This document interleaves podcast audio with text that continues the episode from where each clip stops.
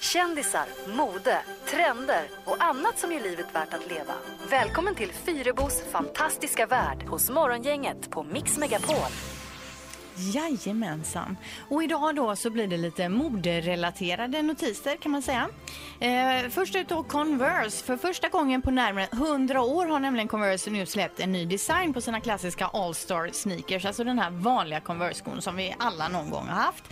Den klassiska modellen lanserades 1920 och har inte förändrats sedan dess. Fram tills nu då i förra veckan presenterade Converse nämligen sin nya All-Star design. Och den nya Converse All-Star Modern Collection är inspirerad då av märkets basketbakgrund men har designats med en modern touch som man skriver.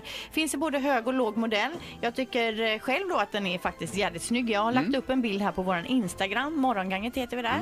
Ehm, lite annorlunda, men de gamla modellerna kommer ju finnas kvar. Det är fortfarande storsäljare. Får jag bara säga det Converse som sko att gå i, den måste ju vara rent skadlig. Den är ju väldigt platt ja. Ja. Det är den absolut. Eh, till någonting annat Tack, då. tack Peter. Ja men alltså det, det, det måste ju sägas. Ja, absolut. Det är ju en skitsko. Jo men det är ju samma med högklackat som vi knö, knör in fötterna i. Man gör ju allt för att vara snygg. Cowboyboots, Men som sagt, Cowboyboots. det är coolt. Cowboy heter det. Cowboy, Cowboysare. coolt. Förlåt. Eh, för de flesta av oss så är det ju ganska omöjligt att lägga flera tusen kronor till exempel på en väska och nu behöver man inte det längre här killar. Eh, delningsekonomi är ju det nya nu. Det har ju blivit en stor trend. Till exempel så kan man ju eh, genom Airbnb till exempel hyra lägenhet. Någon hyr ut och så hyr jag deras lägenhet och så vidare. Man kan bara hyra ut eller hyra eller eh, hur man nu lägger upp det då. Och det här har nu spritt sig även till klädmarknaden.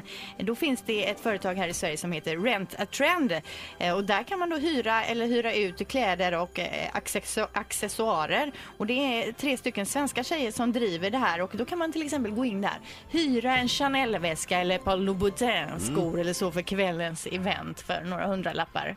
Eh, för de flesta har ju inte råd som sagt att lägga sådana pengar på. Plus i kanten för accessoarer. Tack Men ska det är liksom som att hyra sig lite finare fjädrar för en kväll. Ja men precis. Rätt uttal är bra. Eh, Rent a trend alltså.